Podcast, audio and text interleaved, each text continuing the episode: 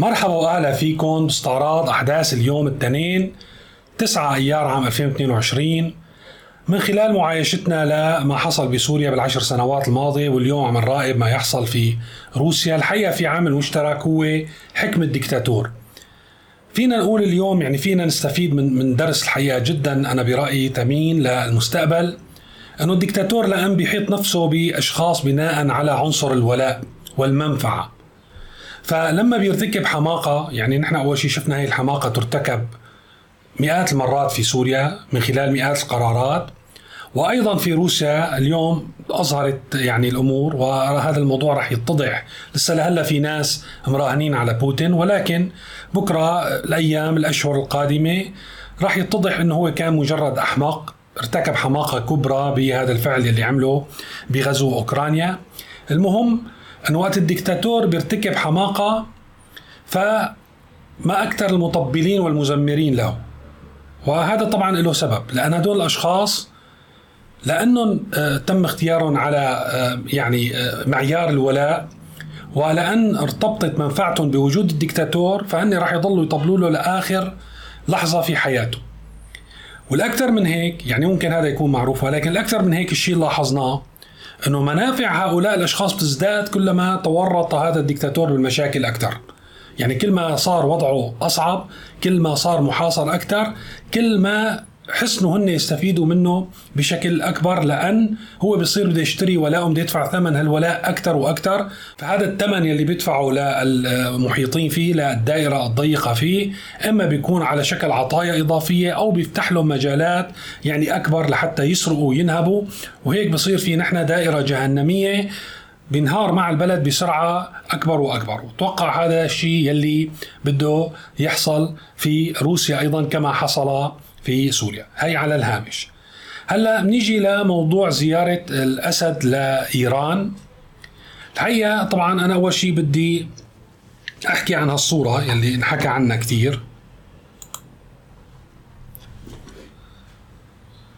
طبعا أنا برأيي ما في شيء يعني مثل ما انحكى في شيء خرق للبروتوكول بهالصورة لأن المرشد الأعلى خامنئي للثورة الإسلامية بيعتبر حاله فوق رؤساء فوق منصب رئيس الدولة.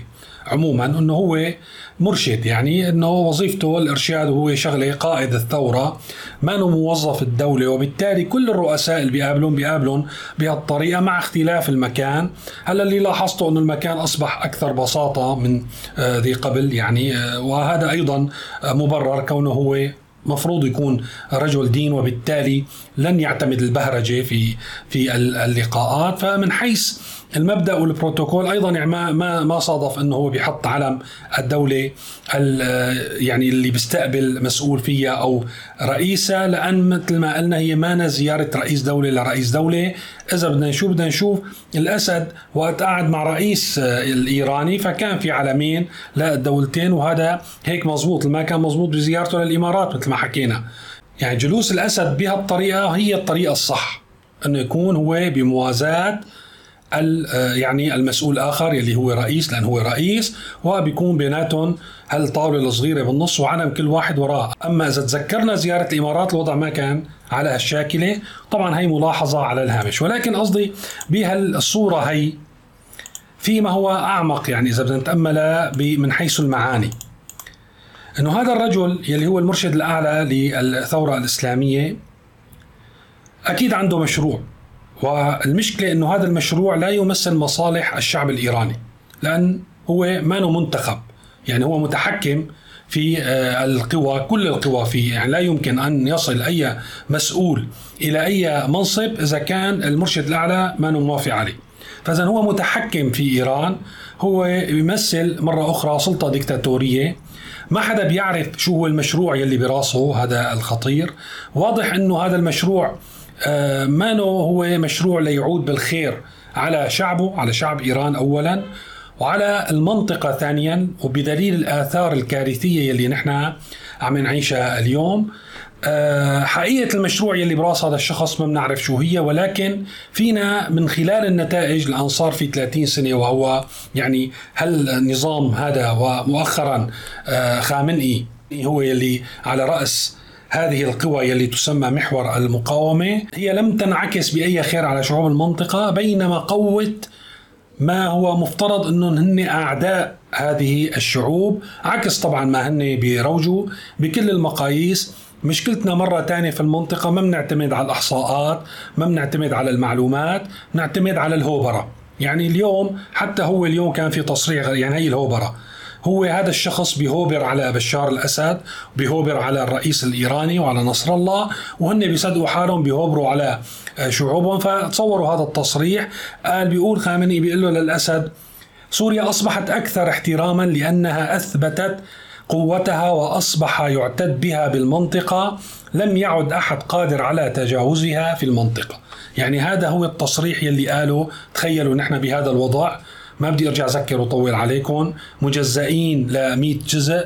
في يعني أعداد لا تعد ولا تحصى من القوى الأجنبية بين دول وميليشيات موجودة في أرض سوريا، اقتصادنا صفر متوقف تماما، الإنسان السوري اليوم عم بيموت من من من جوعه، من الحقيقة نحن اليوم عندنا قدرة ل يعني صد هجوم ذبابة على سوريا. بيجي المرشد بلقائه مع الأسد بيجي بيقول له الحكي سوريا أصبحت أكثر احتراما لأنها تثبت قوتها يعني أو أثبتت قوتها. شو هي القوة اللي أثبتتها؟ الحقيقة ما بنعرف. فإذا هو بيهوبر عليهم طبعا مو بالضرورة إنه اللي عم بيقوله يكون هو يوافق المشروع يلي بذهنه أو نظرته. هو يقول ما يلزم لكي يمضي في المشروع يلي ما بنعرف هذا الشخص مشروع مين ومين مرتبط ومين الدعمه لحتى قاعد على هالكرسي وعامل حاله معلم على كل رؤساء المنطقة وهذا الواقع اليوم هو أصبح يعني المعلم. على رؤساء المعلم بمعنى السوري اللي بيفهموه عليه السوريين. هو معلمون هو اللي بيقول لهم شو لازم يصير. مثل هذه اللقاءات طبعا بتصير لحتى الأسد آه، أو غيره من يعني إذا كان مثلا نصر الله أو الرئيس العراقي مع الأسف آه، يعني أيضا كل المنطقة بيجوا بيعدوا قدامه وبياخذوا منه توجيهات وتعليمات وإملاءات بشكل مباشر أو غير مباشر لحتى ينفذوها بمناطقهم لأن هو صاحب النفوذ مرة ثانية والسلطة على الرئيس الإيراني على الشعب الإيراني على المسؤولين المتحكمين برقاب سكان المنطقة من العراق إلى لبنان. فهذا الشيء اللي هو ممكن نحن نتأمله بهالصورة وليس يعني الأمور البروتوكولية وغيرها من الأمور لأن حقيقة ما كان فيها أي خلل هذه المرة. هلا بنحكي شو راح فعل الأسد؟ يعني شو هي التوجهات الإيرانية يلي سوريا ونظام الأسد رح يكون ملتزم فيها بالفترة القادمة؟ الحقيقة شيء لا يسر يعني يلي وصلني من متابعة المحللين الإيرانيين لأن عندهم بيحكوا بيكونوا متصلين مع دوائر القرار وبيسربوا معلومات وبيسربوا رؤية من خلال تواجدهم على التلفزيونات آه، الإيرانية الناطقة بالعربي أو على التلفزيونات الرسمية السورية. ساعات من البث ممكن أنا يعني أوصلكم للخلاصة أنه نحن اليوم بدنا ندخل في تصعيد تجاه آه، إسرائيل.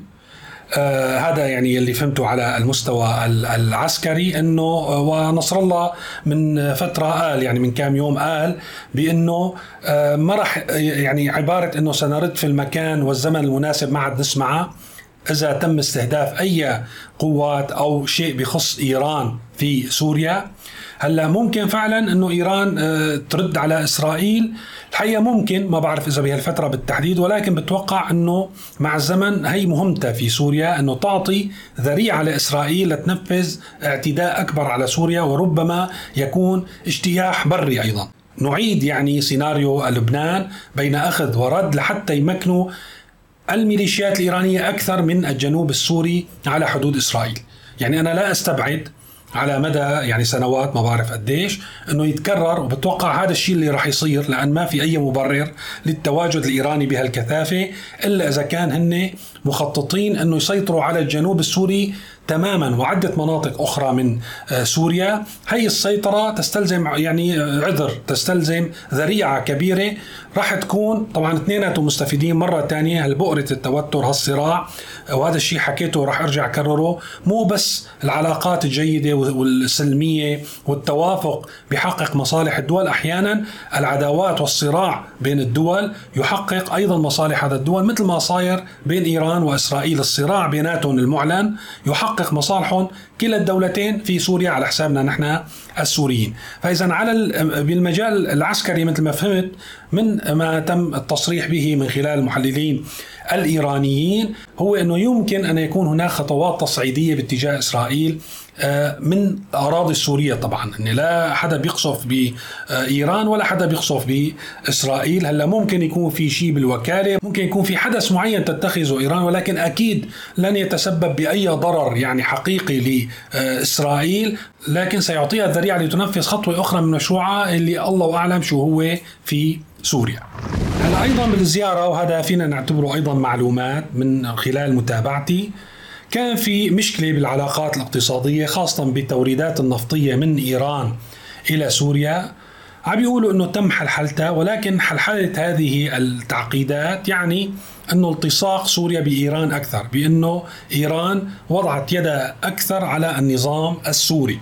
بمعنى إذا كان عنده هامش للتحرك وهذا الحكي قلناه أكثر من مرة وكان متوقع وقلنا أنه بعد زيارة الرئيس للإمارات راح يعني إيران تتحرك وهالمرة كان تحركها كبير. هذيك المرة المقداد زار إيران هالمرة الرئيس الأسد زار إيران. وتم الإعلان إنه تم حلحلتها هلأ وقت يزيد الدين. طبعا سوريا والنظام السوري ما معه يدفع لإيران اليوم. مفلس. وهذا الشيء واضح من الخطوات اللي عم تتخذها الحكومة السورية في اتجاه المواطن السوري. كل ما لا عم يعني تضيق عليه الخناق لتوفر على حالها ما معها مصاري حتى لو أجاها نفط من إيران بالدين أو حتى عطاءات مثل ما حكينا قبل هالمرة النظام رح ينظر لهالنفط بإنه ثروة ما رح يفرط فيه مثلا مثل ما حكينا كمان إنه والله ياخذ آه، الشغلة ب 10 دولار ويبيع على المواطن ب 1 دولار هذا الزمن انتهى. وبالتالي ما رح ينعكس هذا الشيء على أو هذا التعاون أو زيادة التوريدات النفطية إذا كان فعلا في هيك شيء على أحوال السوريين بأي إيجابية إلا إذا زادوا الأسعار وصاروا ياخذوا منا من المواطن سعر السوق وأكثر شوي يعني يربحوا عليه. بهالحالة ممكن إنه مثلا تزيد عدد ساعات الكهرباء أو عدد حصة أو حصة السوري من البنزين أو المازوت بهالطريقة. ولكن بالمقابل أنه آه، زيادة يعني أنه اعتماد سوريا خلينا نقول على المساعدات الإيرانية على الواردات من إيران للنفط على أي آه، يعني آه، خلينا نقول قروض مالية أو خطوط ائتمانية هذا راح يخليها ملتصقة أكثر بإيران وهذا الشيء طبعا ما راح يكون في مصلحتها بما يخص علاقتها مع الدول العربية أو مع الجامعة العربية. أيضا من اللي فهمته من يعني كلام المحللين الإيرانيين والدبلوماسيين بالأيام الماضية وخلال الفترة الماضية أنه سعي إيران وروسيا لعودة آه، سوريا إلى الجامعة العربية هو في نوع من الغصب. يعني كيف من الغصب؟ أنه اليوم على سبيل المثال أكثر محلل عم يحكي أنه اليوم السعودية مأزومة. وهي مضطرة أنه تحاول تخفف المشاكل من حولها بشكل أو بآخر لأن هي عندها ظرف داخلي حساس موضوع انتقال السلطة. يعني الملك مريض وممكن بأي لحظة يعني آه، يموت وبالتالي بدها تنتقل السلطة. مين هو اللي بده ياخذ السلطه محمد بن سلمان في عليه. يعني بهالكلام إنه في عندهم مشاكل داخلية وبالتالي إنه ممكن يتم الضغط على السعودية لكي تقبل بعودة سوريا. ومو الموضوع هو نوع من المصلحة أو نوع هو نوع من التسوية بين السعودية وإيران. وهذا الشيء بيتفق تماما أيضا مع ما ذكرناه إنه عودة آه، ما بدي أقول سوريا هلا مصر لها غير آه، نظرة ما بعرف إذا بيتم الضغط عليها. مصر بتقول إنه عودة سوريا وليس نظام الأسد بمعنى بعد التغيير السياسي أو بوجود تغيير سياسي ما يعني بأي طريقة يعني ممكن يكون هو خطوة أولى في الحل. مصر ما عندها طبعا أو ترغب بعودة سوريا أما مو بعودة نظام الأسد. أما يعني آه، إيران تضغط على السعودية ليقبلوا عودة نظام الأسد والأسد إلى الجامعة العربية وأنا برأيي هذا الموضوع ما راح يحصل لأن السعودية ما صاحبة القرار وأيضا عندها ارتباطات وعندها مصالح كبيرة مع يعني الطرف الآخر يلي هو يمثل الولايات المتحدة والدول. الغربية وإلى اليوم مثل ما قلنا ما ممكن هذه الدول بعد كل ما جرى بعد كل ملاحقات بجرائم الحرب والفضائح وكشف يعني جرائم النظام السوري وفضحه على العنن يوم بعد يوم من أشهر لليوم أنه يقبلوا يرجع ليكون هو ضمن المحيط الإقليمي و الدولي فإذا الأمور هي رح تروح باتجاه التعقيد. يعني أنا برأيي إيران مهما ضغطت وروسيا على الدول العربية لن يكون باستطاعة هذه الدول أن تعيد نظام الأسد إلى الجامعة العربية وليس سوريا. وطبعا هلا التغيير السياسي بهالوقت ما مطروح؟ وبالتالي الأمور رح تتعقد أكثر وأكثر وتزيد الضغوط على الإنسان السوري المواطن السوري إن كان في سوريا أو في خارج سوريا. خارج سوريا آه، يعني بنبدأ أو بنرجع بنحكي عن آه، السوريين في تركيا الحقيقة النشاط خلينا نقول آه، الإداري التركي وزيارة المناطق السورية في يعني في تزايد الموضوع بس ما عم يركز بس على آه، يعني المساكن يلي شفنا من يومين في يعني منطقة الريحانية أو قريب من الريحانية بالقرب من سرمدة في شمال سوريا. صار في تسريع لعملية بناء المساكن. أيضا يتم العمل على موضوع خلق فرص العمل على يعني تشغيل المناطق الصناعية والمناطق المهنية بشكل أو بآخر. كان في زيارات لوالي غازي عنتاب وكلس إلى الشمال السوري خلال الأيام الماضية بهذا الهدف. وفي الحقيقة في نوع من آه، خلينا نقول الاستعجال على الأقل ما يظهر في الإعلام بإنهاء يعني مرحلة مهمة من المشروع السوري أو مشروع تسكين أو إعادة السوريين في الشمال السوري. هذا واضح. مرة ثانية أنا ما بتوقع الأمور تكون بهالسرعة كثير آه، موضوع الانتخابات عم بتأثر صايرة على هذا الملف. أيضا آه، تركيا أيضا مثل ما حكيت تركيا بدها تحاول تستغل الظرف اليوم الصراع الروسي الأمريكي لحتى تعمل قفزة في هذا المشروع ولكن ما بتوقع القفزة رح تكون يتم إعادة أو نقل مليون سوري إلى هذه المناطق. بتوقع هذا الرقم رح يكون كتير بالغ فيه والموضوع ما رح يتخطى من هون للانتخابات الرئاسية التركية. يعني عشرات الآلاف إذا بيوصل لمئات الآلاف بيكون يعني هذا شيء مفاجئ على الأقل بالنسبة لي الصراع ب يعني أوكرانيا روسيا وغزو روسيا لأوكرانيا. عم ينعكس لا شك بسوريا ولكن الأثر اليوم محدود ومحصور بمناطق آه، شرق آه، سوريا.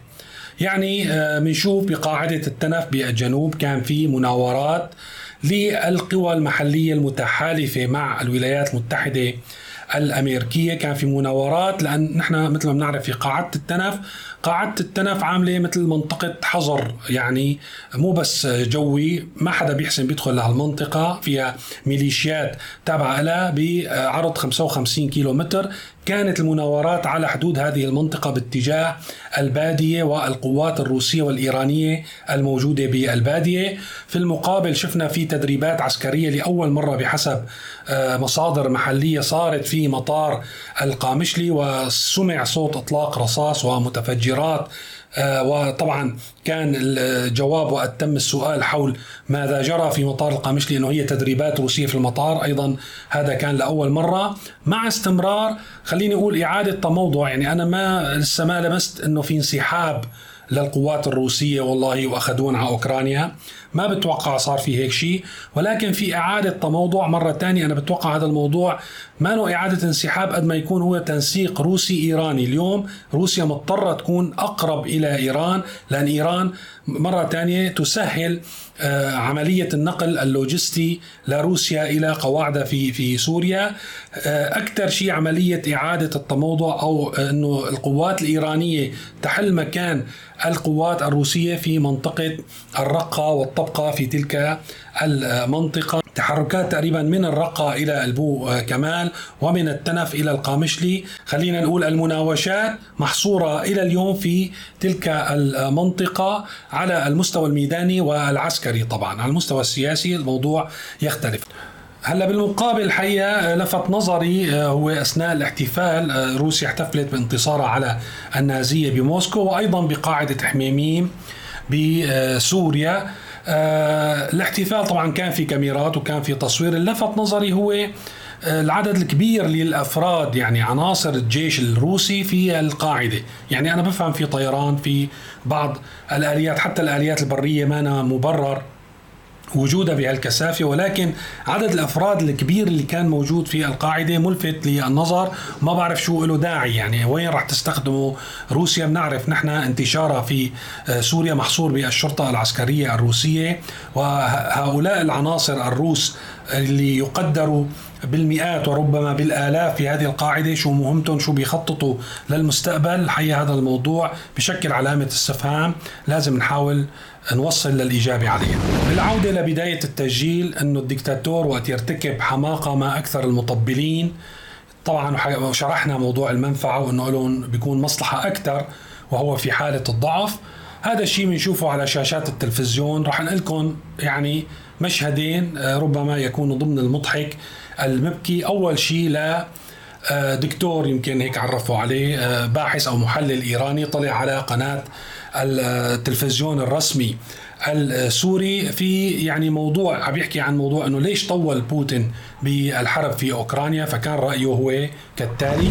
النقطة الثانية الآن بما حصل في أوكرانيا وهذه الأزمة التي حصلت في أوكرانيا والتي كان يستطيع الرئيس بوتين أن ينهيها في 48 ساعة ولكن الفطنة دفعته أن يكشف كل الأطراف المتورطة في أوكرانيا قبل أن ينهي المسألة وأهمها المفتاح الذهبي الذي حصل عليه ألا وهو مفتاح البيولوجي الذي تزامنا توقفت كورونا في العالم. وهذا الآن أيضا وسام ذهبي يأخذه من الأمم المتحدة بأنه قضى على كورونا.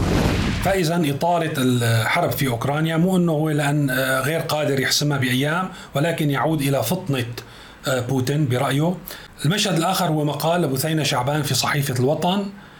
تتكلم عن الزمن الجميل. حقيقة أنه أنا صرت أتوقع أنه هن مو عم يكذبوا علينا يمكن يكونوا مصدقين. يعني هن بدهم يصدقوا هذا الموضوع لأن هذا بيطول بأعمارهم وبيطول من النهب ويعني التكويش على المكاسب أكثر وأكثر سنوات.